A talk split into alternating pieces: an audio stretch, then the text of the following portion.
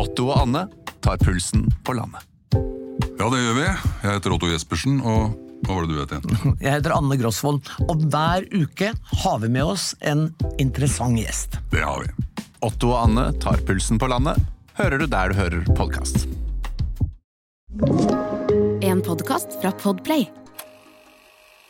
Ready? You have the cameras rolling? He was hosting boozy parties in Downing Street. Well, when the president does it, that means that it is not illegal. I have a dream. We will win this election and we will change the country together. Human rights are not a luxury that can be left until we find a solution to the world's other problems. Velkommen. Mitt navn er Eirik Bergesen, og dette er eh, vårt nokså uhøytidelige, veldig personlige forsøk på å gå bak ukas nyheter, lete etter sammenhenger, si noe om fremtiden, på jakt etter det store bildet, slik vi ser det. Hver fredag. Eh, Og vi, det er jo meg og Sofie Høgestøl. Sofie er dessverre ikke med oss eh, i dag heller. Eh, men eh, fordi hun ikke kunne være med i dag, så har jeg med meg eh, Sofie i to personer, eh, rett og slett. Eh, jeg har med meg eh, Marte Heian Engdahl og Anders Romaheim. Velkommen til dere. Tusen takk. Eh, da begynner vi med den derre tittelrunden, eh, for å bare forsvare, legitimere at dere er her. Skal vi se, da. Eh, Anders, førsteamanuensis, Forsvarets høgskole, Institutt for eh, forsvarsstudier. Det er helt korrekt. Eh, og det er viktig når det er forsvarsting. ja, titler skal være riktig. Eh, Marte, nå er jeg mer spent på hva som er riktig. Uh, forsker og forfatter. Det er jo, høres jo veldig flott ut. Jeg kan gjerne være det. Jeg er jo eh, vanligvis, eh, eller jeg har vært i mange år, assisterende direktør på Noref, men jeg er i ferd med å ikke være det lenger eh, for å skrive bok. Så derfor så er jeg tilbake til den gamle hatten min, forsker- og forfatterhatten. Det er en veldig flott hatt å ta børststøv av. Men i, i, ta nå ikke av deg den eksperthatten, da. Altså, Midtøsten-ekspert. det, det er en hatt som ingen som prøver å forstå noe om verden, tar på seg frivillig. Den hatten blir tatt på av noen andre og servert deg. Bortsett fra meg, som har en T-skjorte som det står The Expert på. Ja, du er veldig annerledes. Det er en eh, unik fugl i denne um, politiske faunaen. Eh, dere, altså vi Dette blir nå to episoder. Um, og For det gjorde vi sist også, med, med hell, vil jeg si. Fordi vi skal rett og slett oppsummere året, og vi skal se fram til neste år. Eh, Og så hadde jeg en idé om at vi skulle på en måte dele det opp, da, i sånn eh, oppsummere 2023, se framover i 2024 hver sin episode. Kanskje til og med være sånn her eh, litt sånn her krisegreie i den ene og håp i den andre.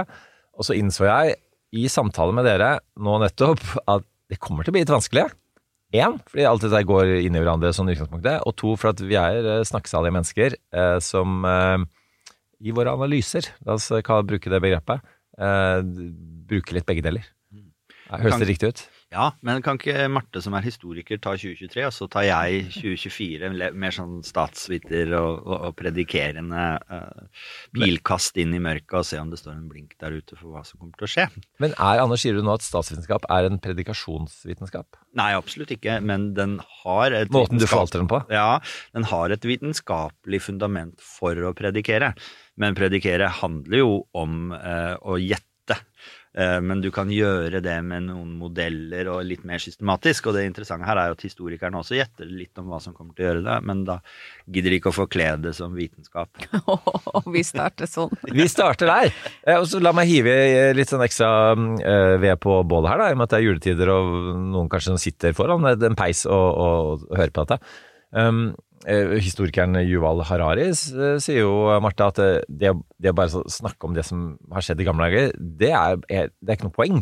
Eh, Du snakker om ting som eh, skjer i gamle dager for å ta noe lærdom derfra og, eh, og se inn i framtiden. Eksempel et gammelt slag eh, kan være med å bestemme litt sånn Si i hvert fall noe om hva som skjer i et nåværende eller et framtidig slag. Det Det- riktig ut?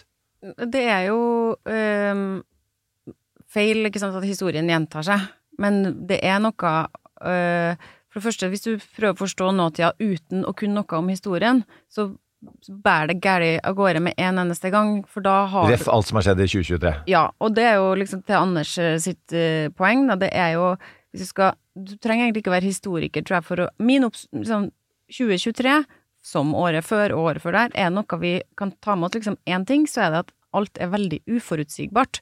Så det er jo virkelig Jeg tror eh, til og med statsviterne syns at det er eh, et, eh, en periode av verdenshistorien der prediksjon er utrolig ubehagelig, fordi det hele tida dukker opp ting som vi ikke så kom, og det har 2023 også vært.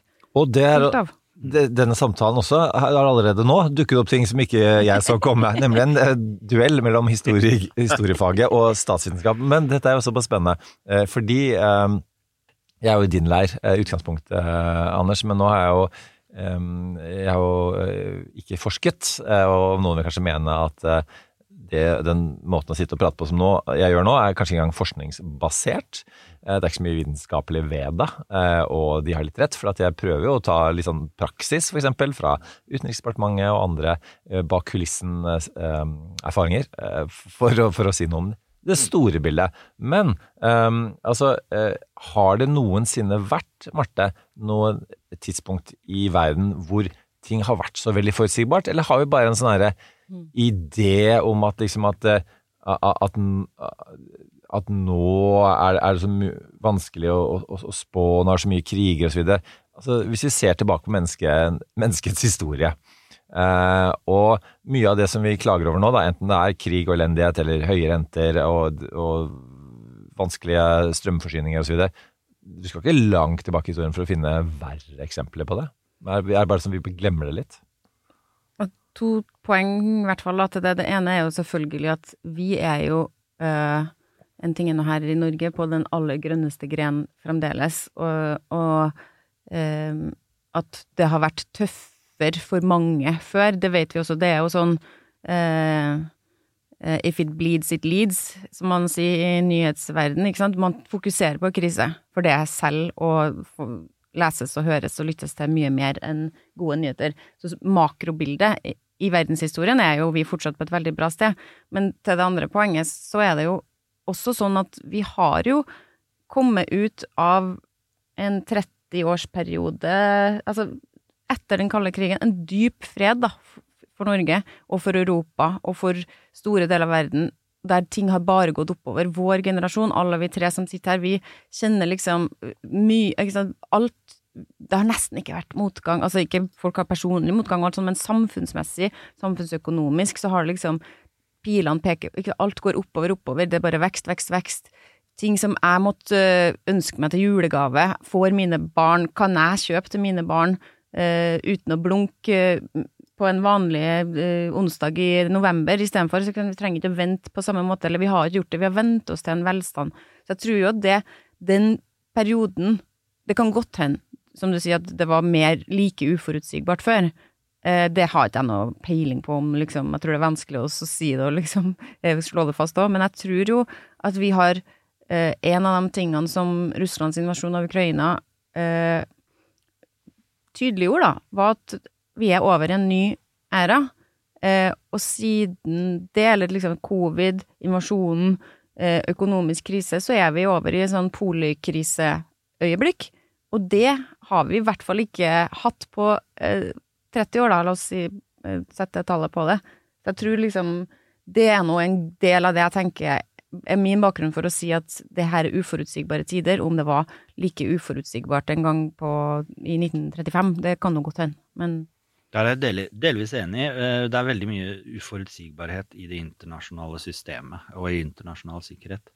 Men det er også en form for uvilje fra vår, eh, hva skal vi si, kant, fra det offentlige ordskiftets eh, evne til å ta inn over seg illevarslende signaler. For fullskala invasjonen av Ukraina var jo simpelthen at eh, mange eksperter og, og forstå seg på det satt og så ja, nei, 200 000 mennesker på grensa. Hva, nei, dette, dette er et spill for galleriet. Altså, vi, vi nekta å tro det kunne skje. Eh, det, det var liksom så anatema til eh, 2022 og, og, og, og hva, de verdiene vi står for, at det, dette kunne ikke Putin gjøre, men eh, det gjorde han. Og, og det smalt, og det blei veldig stygt. Eh, og da, eh, da, da mener jeg at da hele fundamentet for virkelighetsforståelsen vår av hva det internasjonale samfunnet er, hva samhandling mellom de store og, og, og små statene internasjonalt kjennetegnes av, det rokker ved det. Og det internasjonale systemet er utrolig, eh, utrolig lite begeistra for usikkerhet. Du vil på, må, eh, på en måte heller ha en reell trussel som du mitigerer, som du, du, på en måte stiller deg klar, beredt til å, å, å, gjøre noe for, enn å bare ha noe sånn ullent eh, som kommer ut av blindsonen, at du ikke har oversikten. For det, dette handler om staters overlevelse. For Ukraina handler det om det hver dag i skyttergravene. Men er, er, sånn, er det sånn, nesten en sånn statsvitenskapelig drømmescenario med sånn kalde krigen? Altså er, det, er, det, er, det, det vi savner, Anders? Hvor, måte, hvor eh, faren var veldig tydelig, men på en måte tilsynelatende ikke skjedde noen ting. Ja, Da var det ryddig. Eh, det var en farlig situasjon som var ryddig, der man hadde to hovedaktører som kunne banke de andre litt på plass, eh, og som eh, etablerte noen sikkerhetsmekanismer for at man skulle som var stabiliserende. Fordi usikkerhet leder til ustabilitet, og da, da, kan aktører som kunne tenke seg at en grense skal tegnes et litt annet sted, gå for det og, og, og handle. Og det er jo litt av bakteppet som Marte var inne på her i stad, og det med at vi har jo en mengde kriser, og det er uoversiktlig. Og, og hvis du skal foreta deg noe, eh, så, så, er det ikke en ulempe at verdens øyne eh, allerede er på Ukraina eller Midtøsten eller et annet sted. Og det er jo noe å tenke på med, som, med tanke på Kina og Taiwan og, andre mulige hotspots. Balkan 2024, det kan vi snakke mer om etter hvert, men Balkan kan jo smelle når som helst. Det går ja. ikke fint der. Nei, og, og vi, skal, vi, skal, gjennom alt dette. Vi skal gjøre et ordentlig, ordentlig sveip. Uh, og, og, og, Gaza og Ukraina er jo det som peker seg veldig ut, uh, og ikke minst USAs rolle i alt det, og USAs uh, rolle i, i, i, det som skjer i USA i 2024. De skal velge en president, så det, dette skal vi snakke om. Vi skal til og med prøve å spå, um, Anders, hvem som blir den presidenten. Uh, og der kan jeg hive inn, da, for det handler litt om uh, spådomskunsten, eller det som noen vil kanskje kalle en slags ja, predik prediksjon, høres mer vitenskapelig ut. Ja, det var bedre. Um, uh, og hvor, hvor, det var to amerikanske forskere som skrev en bok for noen år siden som, som snakket om at, at det å spå ett år fram før valget om hvem som vinner valget, det er som om to, og de hiver inn da en parentes, utrente eh, apekatter eh, Kanskje ikke det var begrenset til to, kanskje det var et rom fullt av apekatter eh, som kaster eh, dartpiler, som du snakket om i stad, mm. Eh, Anders. Eh, og det, og, det, er jo Og nå er det noen litt færre dager, men ting er jo blitt om mulig enda mer uklart i USA. Men, men, så vet vi at, at vi alle vi kanskje til og med dere setter opp sånn budsjetter for neste år som kommer, og prøver sånn, se på utgifter og mulige inntekter osv. Og, så og, og, og statsbudsjettet lages, og det, selvfølgelig dette, dette prediksjon eh, er jo noe vi alle er avhengig av. Så la oss bare forsvare det en gang, en gang, for alle. Men så tenker sånn, hvis du ser på bare kalde krigen ikke sant? Ja, det, det var noen transaksjoner på Nå karikerer jeg veldig. På noen broer i, i Eh, Berlin, eh, og så var det kanskje noen som veltet på en sykkel osv. Men så var det en god del proxykriger eh, rundt omkring i verden som vi kanskje ikke var oppmerksomme på, og vi heller ikke da media dekket på den måten man gjør i dag. Og sosiale medier gjør jo nå at vi alle, og dessverre også da den oppvoksende generasjonen, disse algoritmene banker på døra vår hver eneste dag, eh, hver time eh, når vi står opp når vi skal legge oss, og vi kan ikke lenger bare vente med å åpne avis, skru på en TV, eh, og før vi blir klar over alt det gale som, som skjer i verden, som da kanskje også har skjedd før. Og det er jo litt det nye, da. Marte, hva tenker du om det? Det er jo absolutt en følelse av at du kan kanskje greie å skru det av hvis du absolutt ikke er noe interessert, liksom bare trykker, ba, bare ser videre på kattevideoene, så kan du kanskje Jeg vet ikke, jeg har aldri prøvd det, men du bygge kan kanskje sånn liksom bygge opp en sånn algoritme. snill eller sånn der, der Men hvis ikke, da, hvis du har noenlunde liksom eh, har litt innspill fra verden, så, så vil du ha en feed nå som er veldig full av mange ulike typer kriser. Og da er det jo eh, Det som Selvfølgelig er flere ting som er dumt. Det er jo bra, selvfølgelig, som, eh, at man får eh, At man har anledning da, til å følge med på flere ting i verden enn man hadde før og sånn, men det er jo et medium som er eh, En ting er at det ikke er vitenskapelig basert, men det er jo ikke engang kunnskapsbasert. Eh, veldig mye av det som er der. Eh, det er jo identitetsbasert, veldig mye. Og det er en plattform som eh, belønner at du setter deg sjøl i sentrum. Mm. At det er hvordan var det for meg at den krigen her brøt ut, og hvordan er det for meg for deg? at det demonstrerer noen utafor døra borti gata der, og hvordan er det for meg at jeg hørte at noen sa sånn her på butikken, og hvordan fikk det meg til å føle meg når jeg sånn Og det er jo um, skikkelig lite hjelpsomt hvis man skal prøve å forstå noe, fordi det, alt det der er jo gyldig, fordi det er enkeltindividets uh, følelse. Men det er, har veldig lite med kunnskap og analyse og forståelse av eh, komplekse, sammensatte eh, historier å gjøre, da. Så, så sånn sett så er den derre eh, Og så er det i tillegg det som kanskje jeg syns er det aller verste med det, eh, er at folk er så ufattelig opptatt av å finne feil med hverandre.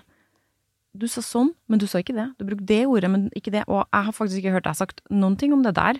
Og du sier sånn. Altså, det er sånn utrolig lite også veldig lite nyttig og veldig lite inspirerende eh, arena da, for noen som skal prøve å delta fra et kunnskapsbasert eh, hold, eller som utgangspunkt. Så det, kjennes det som et, en plattform eh, som samlebetegnelse, da, eh, som er eh, lite fristende å delta på, da, fordi det eh, Så ja, det kommer noe bra ut av det, fordi det er mye informasjon på ett sted, og jeg kan fortsatt finne liksom artikler som jeg ellers ikke ville ha kanskje fått sett på X, eller gamle Twitter, da, men utenom det så er det på en måte Det er, det er dystopi. Du, du, du reproduserer et, et eh, medieunivers som eh, er på en måte hovedinnslagspunktet for å forstå det, verden, og du kan gjøre det på dine egne premisser. Og de mekanismene som vi snakker om her nå, er jo en av grunnforutsetningene for at vi kommer til å se mer og mer systematisk påvirkning av opinion. For det verktøyene for å gjøre det er helt annerledes eh, enn de var for eh, bare 10 år siden og 50 år siden og 100 år siden. Du har, eh, jeg har jobba ganske mye med å analysere propaganda og den typen ting. og og de gamle kampanjene var det liksom alltid one too many. Altså at eh, en, du hadde ett budskap som du pusha ut i TV eller radio til mange. Flyveblader osv. Men nå, nå sitter på en måte hver enkelt av oss og gjennom våre klikk og valg og algoritmers uh, elting, så, så får vi det vi vil ha i, inn i en feed som, eh, som da ondsinna aktører etterpå kan tappe inn i og, og propagere opp budskapene. Eh, også gjennom bruk av kunstig intelligens og bot-nettverk på Twitter, X og, og, og den typen ting. Så eh, informasjonstilfanget til borgerne er jo en grunnplanke i deliberativt demokrati. Mm. Det høres veldig svevende og habrumasiansk ut, men det er jo, det er jo åpenbart sant. Jeg tror, ikke, jeg tror ikke det blir tittelen på eh, episoden, eh, Anders, men jeg skjønner hva du mener. Det tror jeg mange av de trente lytterne våre gjør. Ja, det er, Hvis ikke vi har en informert, eh, et, en informert befolkning i et demokrati, så kan det skeine utfor eh, i mange ulike retninger, og dette ser vi ikke sterkere noe annet sted i verden enn i USA, som vi skal snakke mer om eh, nå eller etter hvert, eller osv. så videre. For der, der mener jeg at hele fakta Hele faktagrunnlaget for politikken er i ferd med å eroderes vekk. Her i Norge så kaller vi inn en utredning og, og liksom tar inn faktagrunnlag. Hvis du prøver på det i amerikansk politikk nå, så tror jeg det, noen eier faktagrunnlaget. Dette, dette er mine fakta, jeg, det, du har dine. Eh, og den som sa det tydeligst, var jo hun Kellyanne Conway, eh, som eh, var kommunikasjonssjefen til Trump helt i starten av hans presidentskap. Vi har alternative fakta. Det var, eh, det var en forsnakkelse, men, men det er der vi er. Og det, det er rart å tenke på at det snart er sju-åtte år siden da, at hun sa det, og etablerte at du trenger ikke å ta inn over deg fakta hvis de er lagt fram av motparten. Da kan du bare kjøre på det med dine egne. Du nevnte Habermas som er ikke-vitenskapspersonen her, da, så kan jeg jo hive inn Seinfeld. Ja. Uh, George Costanza som sa um, uh, If you believe it, it's, it's not a lie if you believe it. Og da er vi litt inne på det med identitet, uh, Marte, og, og, og, og følelsen. Altså hvis du føler at du har rett, da. Hvis du føler at forklaringen du får av noen du følger uh, og lytter til, så, så er det nok. Ja, og jeg vil si at uh, Trump-administrasjonen og det uttrykket som Kilian kommer Altså, det du refererer til der, det vil jeg si nesten har sin egentlig sin opprinnelse i Midtøsten.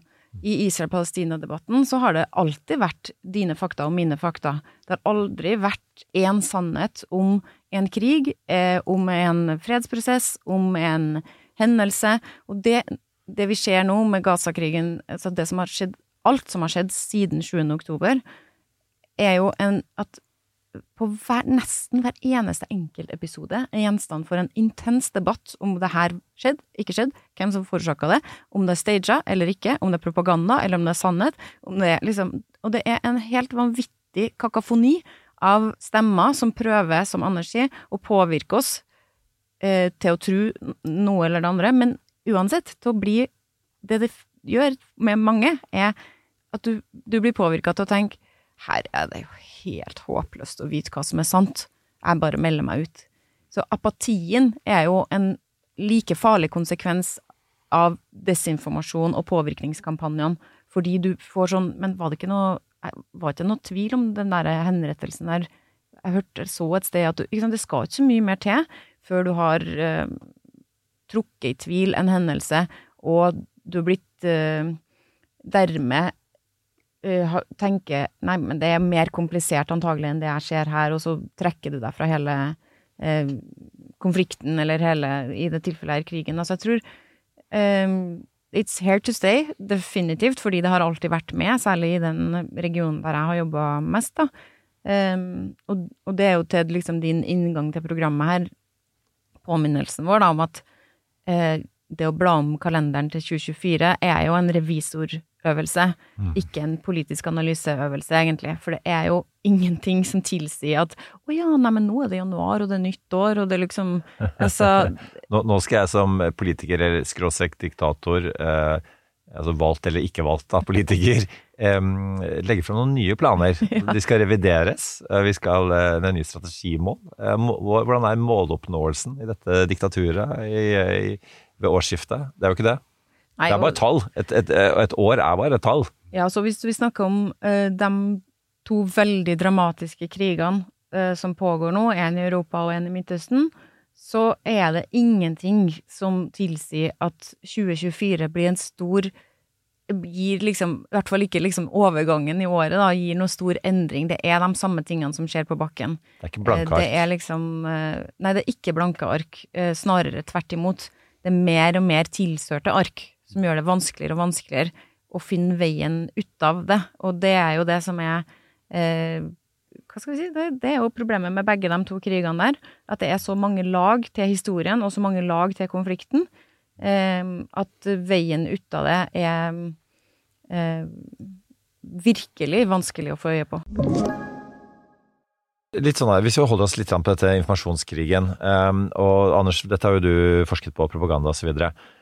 Det, det som på en måte frustrerer meg, da, som også har jobbet mye med Er det noen som har hørt noen ting som helst om faktura 100374? Venter fortsatt på innbetaling fra 100330, og en hel haug andre som er langt over forfall. Ja, men De pengene de må inn på konto nå! Vi skal jo investere nytt utstyr! Vent litt, og pust med magen. Med Amili, en ny helhetlig løsning fra Visma, får du alt du trenger for raskere betaling og rom for å gjøre de investeringene som trengs.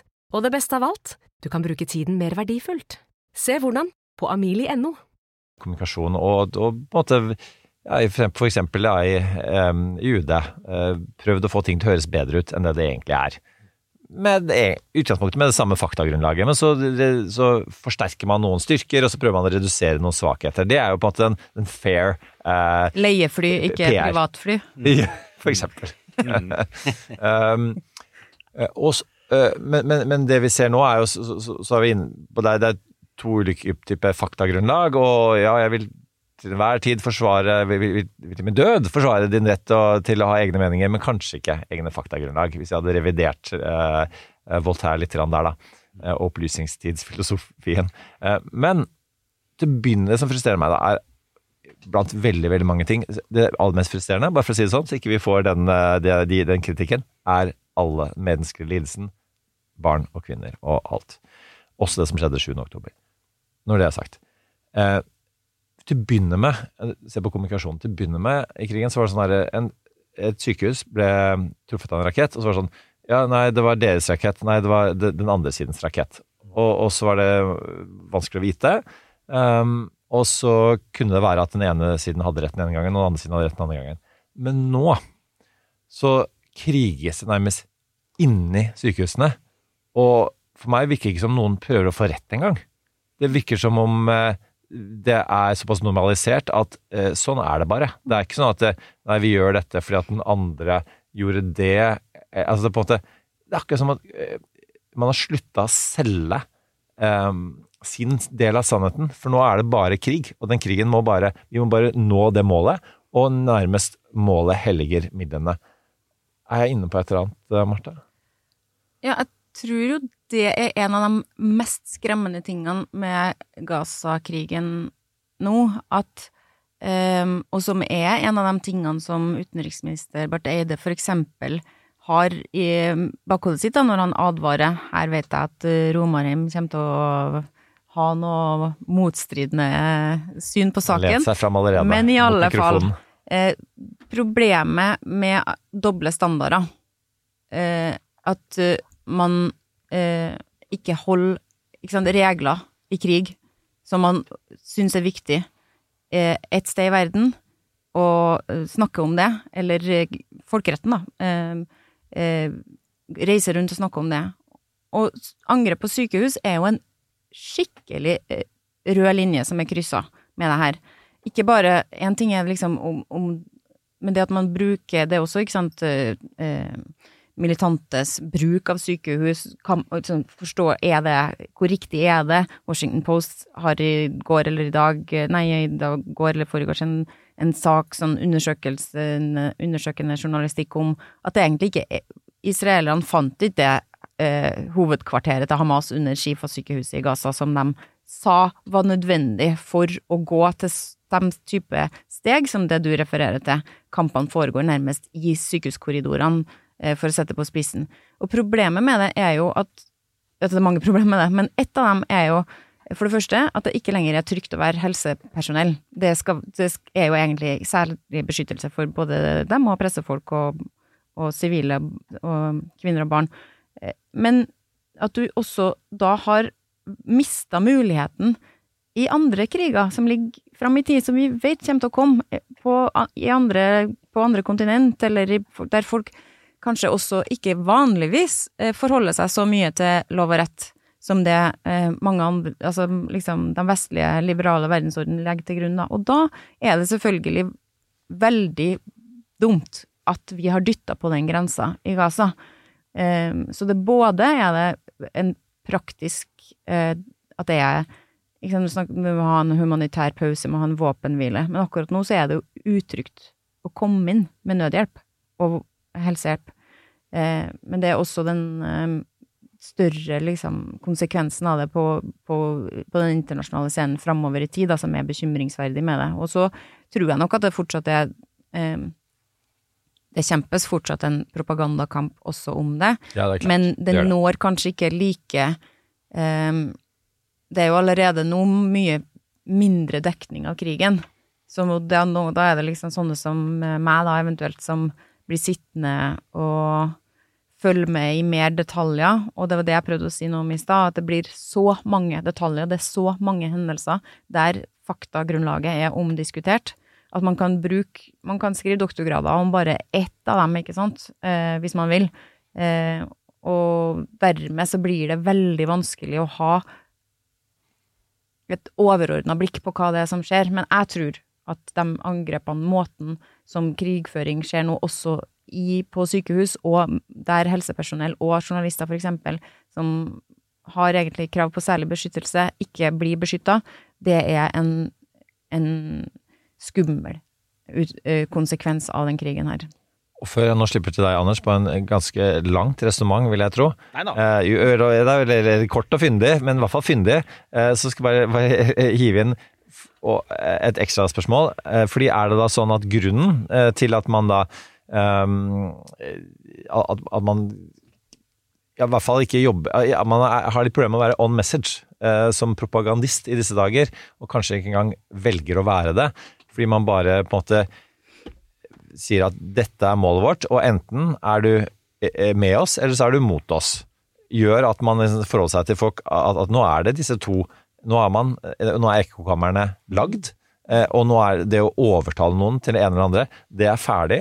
Eh, Det klarer man ikke lenger, så nå er det så polarisert at man bare snakker til sin menighet eh, og oppildner de, og prøver å unngå at de på en måte melder seg av sosiale medier, at de er med og forsterker budskapet. Er, det- litt, litt der vi er? Vær så god, Anders Romberg. Ja, altså Den Vi forsterker de budskapene vi sjøl vil. Eh, hvis vi ser på norsk eh, offentlighet og Gaza-krigen, så, så minner det eh, litt om sånn fotballmentalitet. Eh, Vålerenga vil at Lillestrøm skal tape, og Lillestrøm vil at Vålerenga skal tape. Og så eh, er, det, er det sånn det er. Eh, hvis du går praktisk inn og tenker på hvordan ting kan bli bedre på bakken, så har du jo et av argumentene for at norsk UD prøver å ikke være for voldsomme i kritikken av Israel, selv om det er grunn for det. Jeg mener altså at kritikken de fremmer overfor israelske myndigheter i noen tilfeller avmåles noe, simpelthen fordi hvis du skal bli en aktør på bakken, og dette er det Marte som kan mest om, og hvis du grer israelerne eh, feil vei og, stryker dem mot eh, hårene i, i, i for stor grad, så, får, så, så begrenses handlingsrommet ditt til å gjøre noe med nødhjelp inn, med å prøve å få på plass våpenhviler. Hvis ikke du får møter møter engang i israelsk UD fordi du har tatt så tydelig avstand, så, så, får så blir ikke det bedre for de palestinske folk. Og dermed har jeg ingen problemer med store støtteerklæringer, men jeg, jeg tror at det, Uh, absolutt ikke noen problem med det der. Grei, det er forståelig med tanke på de grusomme lidelsene vi ser, men på statsnivå, på et bilateralt nivå, å gå bang rett i strupen og være først i rekka av de som fordømmer, ja, da er du sist i rekka av de som kan forhandle plutselig, fordi du ikke har tillit på begge sidene av partene. Eh, og og, og det, det tror jeg vi skal ta litt med oss. Og den, den nyansen eh, det, det Marte sa her, er jeg enig i det aller meste, men, men jeg liker ikke så godt at vi sidestiller Ukraina-krigen og krigen i Gaza, for i krigen i Gaza så er det vanskeligere å si hvem som har rett og hvem som har urett. Eh, I Ukraina-krigen så veit vi at Putin har invadert Ukraina for å ta landet, for å utslette landet, for å legge under seg det territoriet. Hvem, hvem som er aggressor da eh, Det er mye lettere å ta stilling. Fotballmentaliteten funker bedre i Ukraina enn den gjør eh, på, på, i Gaza, mener jeg, da. Men hvis du tar et konkret eksempel eh, som, som eh, kan illustrere akkurat dette poenget når man sammenligner, og så vet jeg hvor vanskelig det er. Eh, det er også, hvis du har en bygning hvor det er eh, 100 pluss uskyldige mennesker, og så er det én potensiell eh, terrorist, da skal det den personen det, eh, og så virker det på meg som om det er eh, lov. Eh, og nå mener ikke jeg i henhold til folkeretten, men, men lov i henhold til på en måte eh, slik det diplomatiske spillet er, eh, å bombe den bygningen i Gaza. Men det er ikke lov å gjøre det for ukrainerne i, i, i Russland. Ja, det Er det veldig jeg søkt? helt- Ja, jeg er ikke helt med på den. Eh, Du har alltid et proporsjonalitetskrav i bånn her. eh, I rettferdig krig-tradisjonen, i eh, krigens folkerett osv. Så, videre. eh, så Så det går jo et kutt et eller annet sted. Eh, At det er, eh, gjøres betenkelige ting opp mot folkeretten, at den brytes i Gaza, det tror jeg ikke er, er noe særlig diskusjon om i de mer nøytrale kretser. Ja. Og så, så kommer det du kan hekte på, eh, er hvordan, hvordan føre krig i urbane områder. Og så en omdreining til. Bør man i det hele tatt, går det an å, å føre krig i så tett befolka områder der eh, det ikke er noe sted å flykte, på et måte som ikke går helt på akkord med et demokratisk eh, verdigrunnlag? Da. Hvis vi bare hiver inn noen tall her, eh, så må du korrigere meg eh, hvis det er litt upresist, eh, Marte. Men man snakker om at 80-90 av Gazas befolkning er nå fordrevet.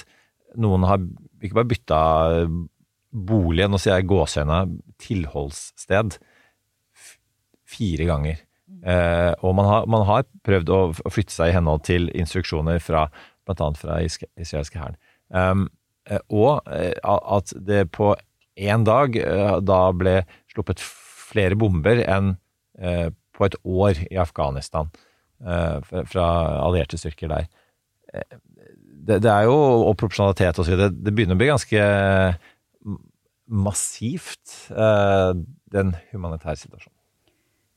Det er en krig som på en måte sprenger alle våre forståelsesrammer for hvordan en krig i Gaza ser ut, og skal se ut.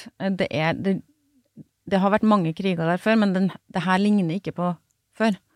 Um, og det var um, en av de første tingene jeg tenkte faktisk 7. oktober, var at det her kom til å bli noe helt annet og endre alt. Og det handler jo om eh, skalaen på angrepet 7. oktober.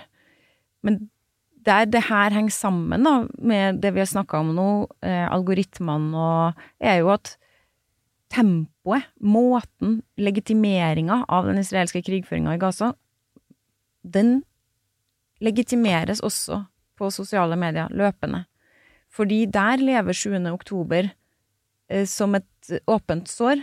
Der er det støtt og stadig, eh, fordi det er et åpent sår, så er det på en måte et reservoar av fortvilelse på israelsk side, og alle som sympatiserer med dem, som man kan dyppe nedi for å si vi må jo gjøre det her.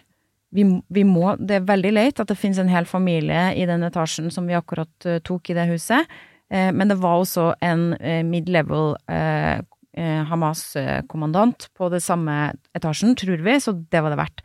Det, man vet såpass mye om at både hvordan den israelske hæren bruker kunstig intelligens, og hva de tenker på som nødvendig for å eh, løse det sikkerhetsproblemet som Hamas er for dem.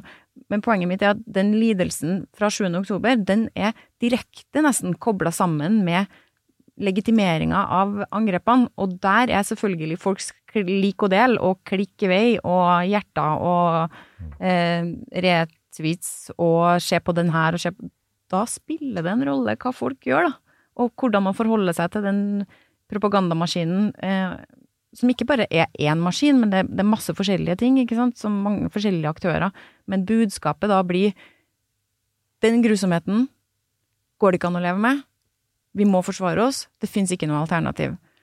Og da er det nødvendig å ta et steg tilbake, og da er historien til god hjelp. For da, hvis man vet noe om historien da, så vet man at i Israel så har det siden 1948, i historikermiljøet i Israel, mm, og utafor da, men vært eh, en stor diskusjon. Og hoved liksom Hvis vi koker det ned til hva handler den om, så handler den om hvorvidt Israel har et valg eller ikke, om krig er det eneste alternativet. Og det er blitt en, en hva skal vi si, en sånn rød tråd gjennom hele den israelske historien, og det er det dessverre ikke. Vi vil ikke egentlig krig, vi, men det bare er masse gærninger rundt oss hele veien, og krig er det eneste som vi kan ty til for å forsvare oss. Og den som sier at ikke vi har rett til det, den vil tydeligvis ikke at vi skal eksistere, så den er altså antisemittisk. Så det er en veldig sånn Det er en sterk tradisjon, det er en sterk rød linje gjennom den israelske historien som har eh, det er et begrep, liksom. Eh, ein brerat på hebraisk. Det er ingen alternativ. Det fins ingen alternativ til krig. Og det er jo det, når man sier sånn Nei, det, det er jo et Det er uholdbart for Israel å ha en sånn trussel ved sine grenser. Men samtidig, spørsmålet her er blir den trusselen mindre, eller blir den større, av den krigen som de er fører på Gaza nå, og måten de fører den på? Fordi man nettopp ikke tar bare kommandanten som du er liksom, At proporsjonaliteten er så over alle støvleskaft, da. Fordi, bare for å legge til det, altså, det kalles jo en eksistensiell krig nå, og, og med det mener man at og det, altså Krigen for å avslutte alle kriger er jo noe som man uh, har begreper man har operert med før, og som ikke alltid har avsluttet I hvert fall ikke avsluttet alle kriger, men kanskje den ene krigen man ønsket å gjøre. Men så har konsekvensene vært veldig dramatiske i forhold til menneskelig lidelse. Men, men det er vel Vi hadde jo den veldig realpolitiske Kåre Aas, uh, min tidligere kollega i UD her i studio, som var nøk veldig nøktern uh, på uansett hva Sofie og jeg snakket om med eh, lidelsene, at, at, her har Israel bestemt seg for at vi, de må eliminere denne fremtidige faren. Nesten eh, koste hva det koste vil. Hva, hva, hva tenker du? Og, og, og det, ja, ja, men den og den lidelsen. Ja, hva med den og den lidelsen? Og så, så gjentok han det. Bare at det, det, er der vi er nå. Lik det eller ikke.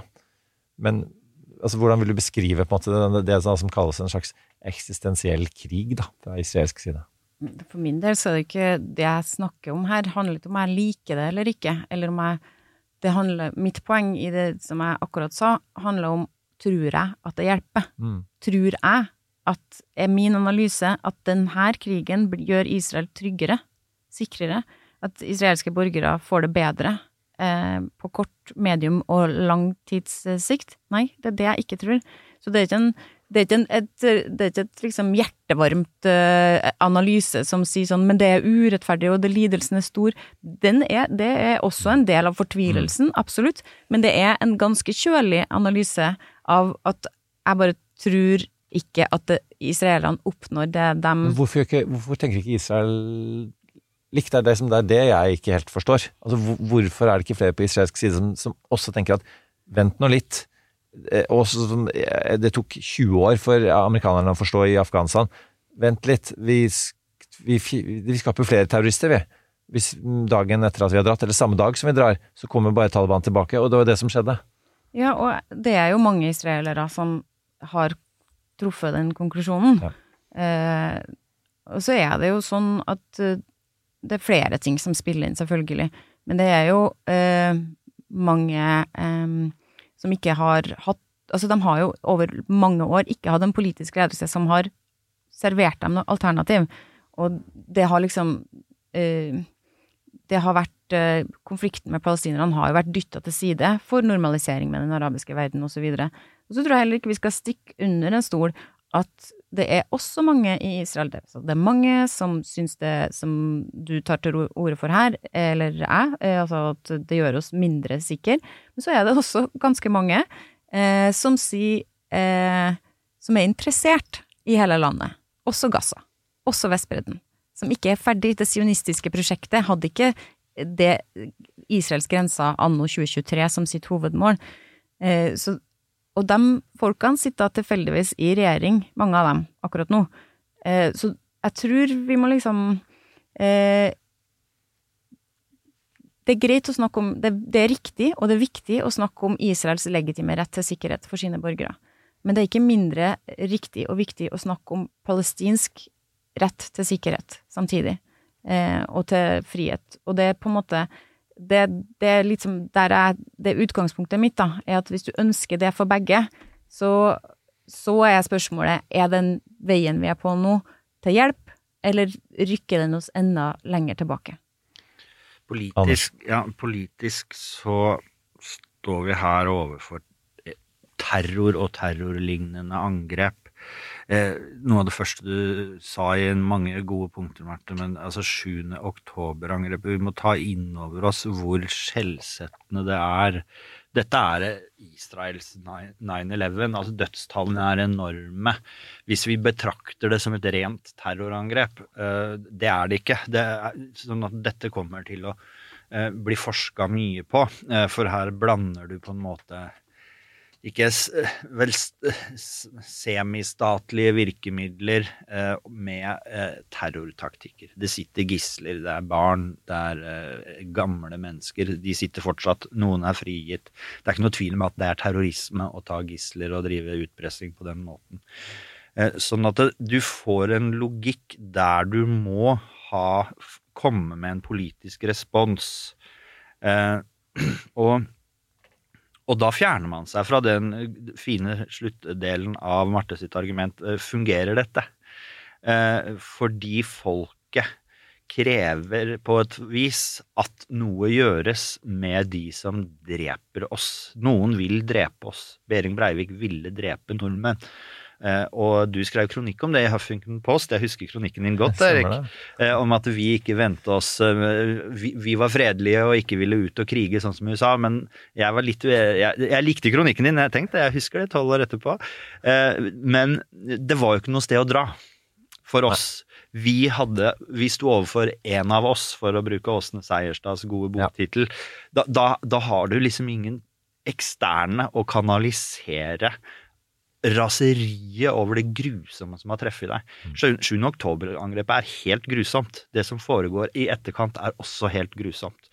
Og de som ble påført 7. oktober-angrepet, det landet, den befolkningen, der de føler at deres stat og dens sikkerhetsapparat må foreta seg noe. Dette er den samme mentaliteten som førte eh, til Afghanistan eh, og Irak-krigen eh, i sin tur. Men det er det er fryktelig vanskelig å få bukt med terror og terrorlignende eh, aktivitet med statlige virkemidler og demokratiske grunnverdier i bånn. Du ryker på kvist hver gang, og det gjør eh, Israel hver dag nå i Gaza, dessverre. Den diskusjonen, eh, Anders, minner meg litt om The Rest is Politics, vår store bror i UK, som, som hadde akkurat en litt lignende diskusjon, eh, med, hvor, hvor man snakket om sånn herre eh, at, at man har lært da, tross alt av amerikanerne sin erfaring med, med å eh, reise til eh, Afghanistan og prøve å ta ut Al Qaida eh, den gangen. Eh, og at, at det ikke var en god idé, at man kunne gjort det på en annen måte. Eller f.eks. bare ta ut deler av Al Qaida og ikke okkupere landet. Mens, mens, da var, så, mens så hadde de en diskusjon om ja, men dette er jo ikke Afghanistan, dette er jo som om USA har blitt angrepet av noen i Jersey, staten eh, New Jersey. Eh, som, som, eh, da hadde man antageligvis gått inn der, eh, og, og det hadde blitt, eh, som du snakker om, Anders, en sånn grufull urban eh, krigføring med masse menneskelig lidelse. Eh, men hvis vi holder oss på, på The Rest is Politics, da, for de hadde et sånn interessant eksempel som også går på noe vi snakket om i stad, nemlig dette her med det også eh, Som virker å være av USAs taktikk her, da. Offentlig støtte Israel, privat pushe Israel. Eh, og de eh, brukte et eksempel i 2009 i Gaza, hvor det hadde vært eh, en mindre krig hvor 14 israelere var døde, 1400 eh, palestinere. Og så hadde,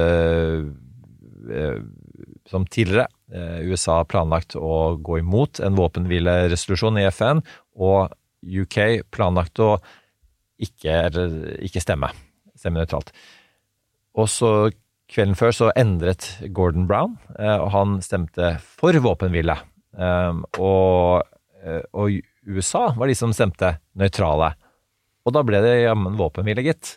Eh, og det som et eksempel på at er det det som man har prøvd på nå, kan virke se ut som det ikke har funket, bør USA da, nå, gjerne med hjelp av UK og andre, offentlig endelig si at nå holder det. Nå, nå må jeg våpenhvile.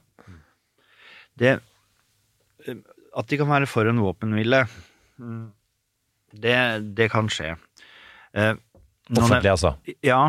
Eh, du nevnte jo Kåre Aas, deres tidligere gjest her, og han har jo vært en av de som har vært tydeligst blant mange på at USA er den som kan ordne opp her. Og det er litt sant, og det er litt feil. Eh, det er litt sant fordi teknisk sett er USA den staten som Israel kan høre på. Men jeg mener mange har et feilaktig oppfatning av hvilken vei makten går. Det er ikke ensidig USA som har makt over Israel. Israel er utrolig godt oppsatt i Washington med en meget tung lobby. Eh, Israel-lobbyen er en av de mektigste i USA. Hvis du kommer på kant med den som kongresspolitiker, så får du et veldig stort problem. Sånn at hvis du prøver å distansere deg fra Israel, fra Det hvite hus, enhver administrasjon som gjør det i USA, får en ganske betydelig rekyl på Capitol Hill. Da, dette merka Obama. Obama flytta eh, Israel-politikken til eh, USA litt mot venstre, kan vi si, og vekk fra ytre høyre, hvor den nær sagt hører hjemme i amerikansk politikk. Og det eh, forpurra forholdet hans til eh, Netanyahu den gangen, blant annet. Eh, sånn at det, det er ikke noe tvil om at de sitter på Ingen har bedre sjanse til å bevege eh, israelsk politikk enn et påtrykk fra Washington. Men en tydelig, en tydelig konfrontasjon med Israel er, er vanskelig å se for seg. Det er for tette bånd mellom landene, og du får denne rekylen i amerikansk politikk. Og vi har snakket litt om det i poden også, Sofie og jeg, om dette med at eh, ja, nei, det er, og det, er ikke engang, selv om USA eh, snakker offentlig osv., det er ikke gitt at Israel hører eh, etter. Eh, og, og det er, det er kausaleffekten, for å bruke et vitenskapelig ord, blant to vitenskapsfolk. Eh, altså det at USA sier det, og så gjør eh, Israel det. eh, den er ikke så tydelig. Det er det ingen tvil om. Men eh, jeg, jeg prøver igjen med en annen vinkling her, da, Anders. Eh, George Svarte jeg feil? Nei, på ingen måte. Eh, men eh, det, er, det er noen uavklarte spørsmål fortsatt. Eh, det var ikke svaret som endte alle spørsmål. Nei. de, de, eh, altså George Bush senior utfordret jo Rabin, altså da eh, daværende israelsk statsminister, på eh, han, han, han stoppet jo egentlig krana eh, på, på finansiell støtte, eh, og, eh, og, det funket. Altså Rabin eh, igjen, vi, vi, det, er kjempevanskelig å sammenligne det, det som skjedde den gangen, det som skjedde den gangen, med det som skjer nå. Det, det er jo felle nummer én for eh, enhver historiker og statsviter. Mm. Men, men altså Rabin tok opp telefonen, og, og da, da var man i gang med nye typer samtaler på nye typer premisser. Men eh, George Bush senior eh, tapte 25% av eh, de jødiske velgerne i prosessen. Mm. Eh, men altså La oss si Det er et problem. ja, la, la, la, et problem. la oss si at vi begynte så friskt med å predikere her. La oss si at USA faktisk gjør det. La oss si at USA sier nå eh, får dere ikke mer penger, får ikke mer eh, våpen, får ikke mer finansiell støtte før eh, våpenhvile. Hva skjer da? Det skjer ikke. det er ikke lov å si. Ja, ja, men- Det var feil svar. Prøv igjen. Prøv igjen. Jeg, jeg, jeg tror ikke USA har det i hva skal vi si, det utenrikspolitiske verktøykassa si til å, til å gjøre det. Men Det Bush blir et senior for- hadde jo det. Ja, men det er mange, mange år siden. Eh, og høyresiden i USA Dette var før Conservative Talk Radio. Vi kan gå opp hele den gangen hvis vi skal gå i, i det, utviklingen av et parallelt univers med egne tunge. Ja. er konservative til reaksjonære verdier på ytre høyre fløy i det republikanske partiet. Det der, er der du får opprør hvis du, uh, hvis du går tydelig mot Israel.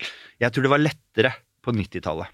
Eh, men, men eh, som en, en rekyl til, eh, til at rabbinen lot seg dytte inn i hjørnet, så, så sa jo Clinton etter et møte med Netanyahu 'Who's the fucking superpower in the room?' Der han liksom jeg, 'Jeg er president for USA, men jeg blir snakka til Jeg blir diktert omtrent hva jeg skal gjøre av, av en israelsk counterpart', da. Så jeg tror det var lettere den gangen. Jeg tror ikke det kommer til å skje. Men hvem, hvem vet? Eh, det vil bety noe. Jeg tror også man skal Våpenstøtte, økonomisk støtte, viktig. Den moralske støtten, eh, oppmerksomheten, at man vet at USA er i Israels hjørne, at man vet at de blokkerer resolusjonen i Sikkerhetsrådet og, og altså aktiverer seg på mange andre ulike politiske arenaer hvis Israels interesser står på, på spill. Så lenge det vedvarer, så så kommer de til å handle noenlunde likt. Og, og jeg tror at Israel vil være i stand til å fortsette den typen krigføring de har i Gaza nå, lenge. Jeg tror det.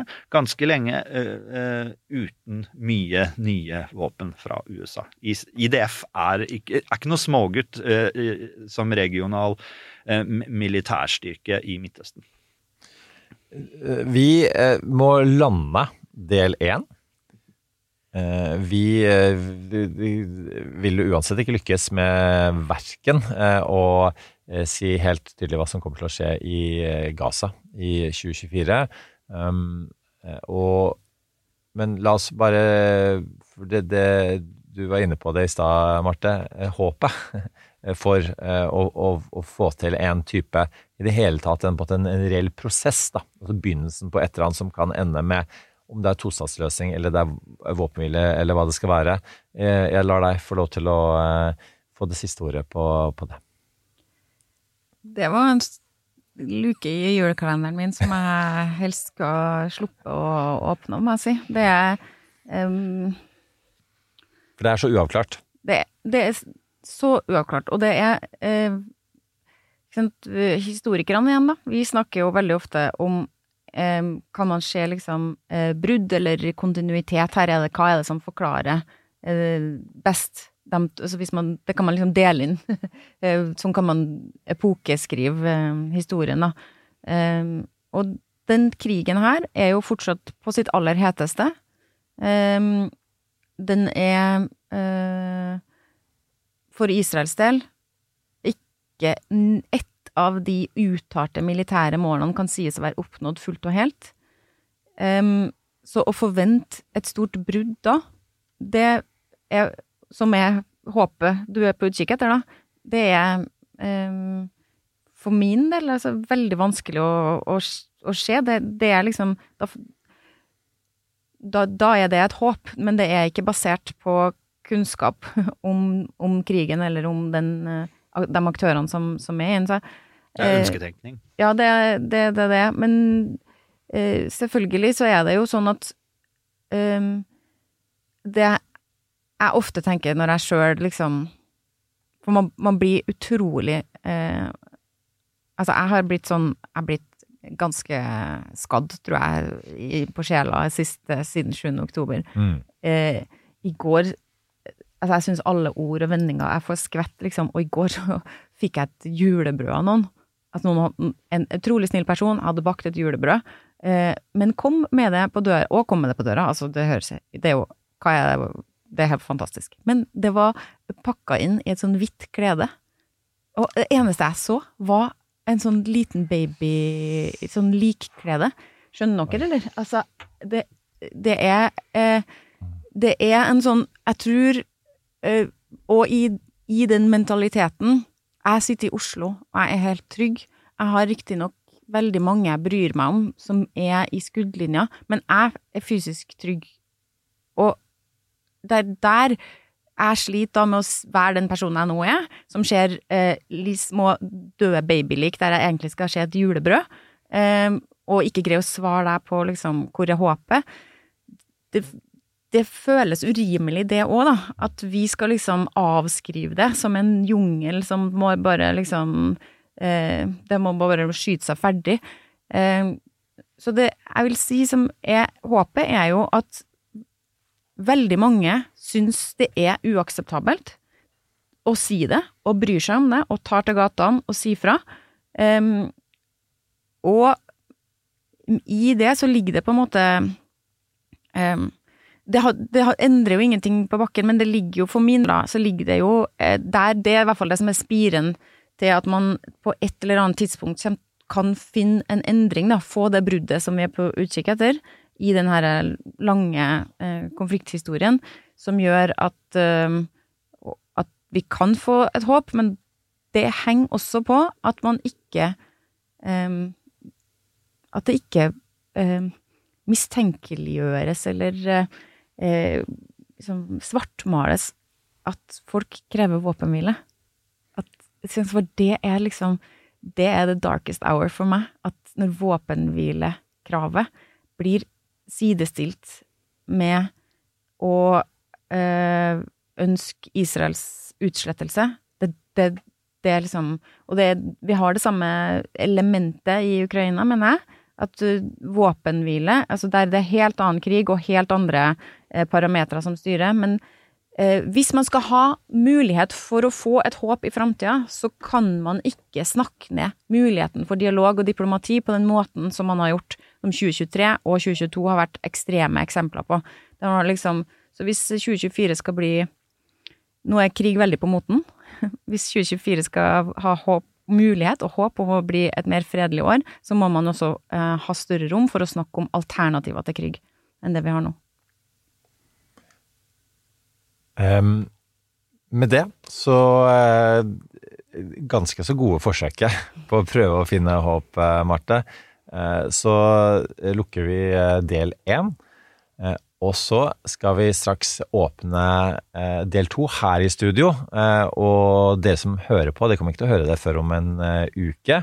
Men det dere skal glede dere til nå, er at jeg kommer til å mase enda mer på dere to andre om å finne håp. Og vi, der vi skal eh, spesielt finne håp, det er Ukraina, og det er til og med USA. Og det virker jo som det aller, aller vanskeligste nå i disse dager. Eh, og så skal vi, eh, og en ekstra cliffhanger, vi skal kåre det vi alle tenker er sånn noenlunde årets beste bok, film, TV, opp, pod-opplevelse. Så inntil videre, ha en for dette rett før jul, ha en trygg, rolig, fin julefeiring. Og så er neste episode eh, rett før nyttår-episoden, eh, eh, hvor vi skal kikke enda litt mer inn i krystallkulen på hva som venter oss der. Så tusen takk for at dere var med her, Marte og Anders. Dere skal bli sittende, ikke gå ut døra nå. Og tusen takk for at alle dere andre hørte på. That's enough. Put down the mic. Du har hørt en podkast fra Podplay. En enklere måte å høre podkast på. Last ned appen Podplay, eller se podplay.no.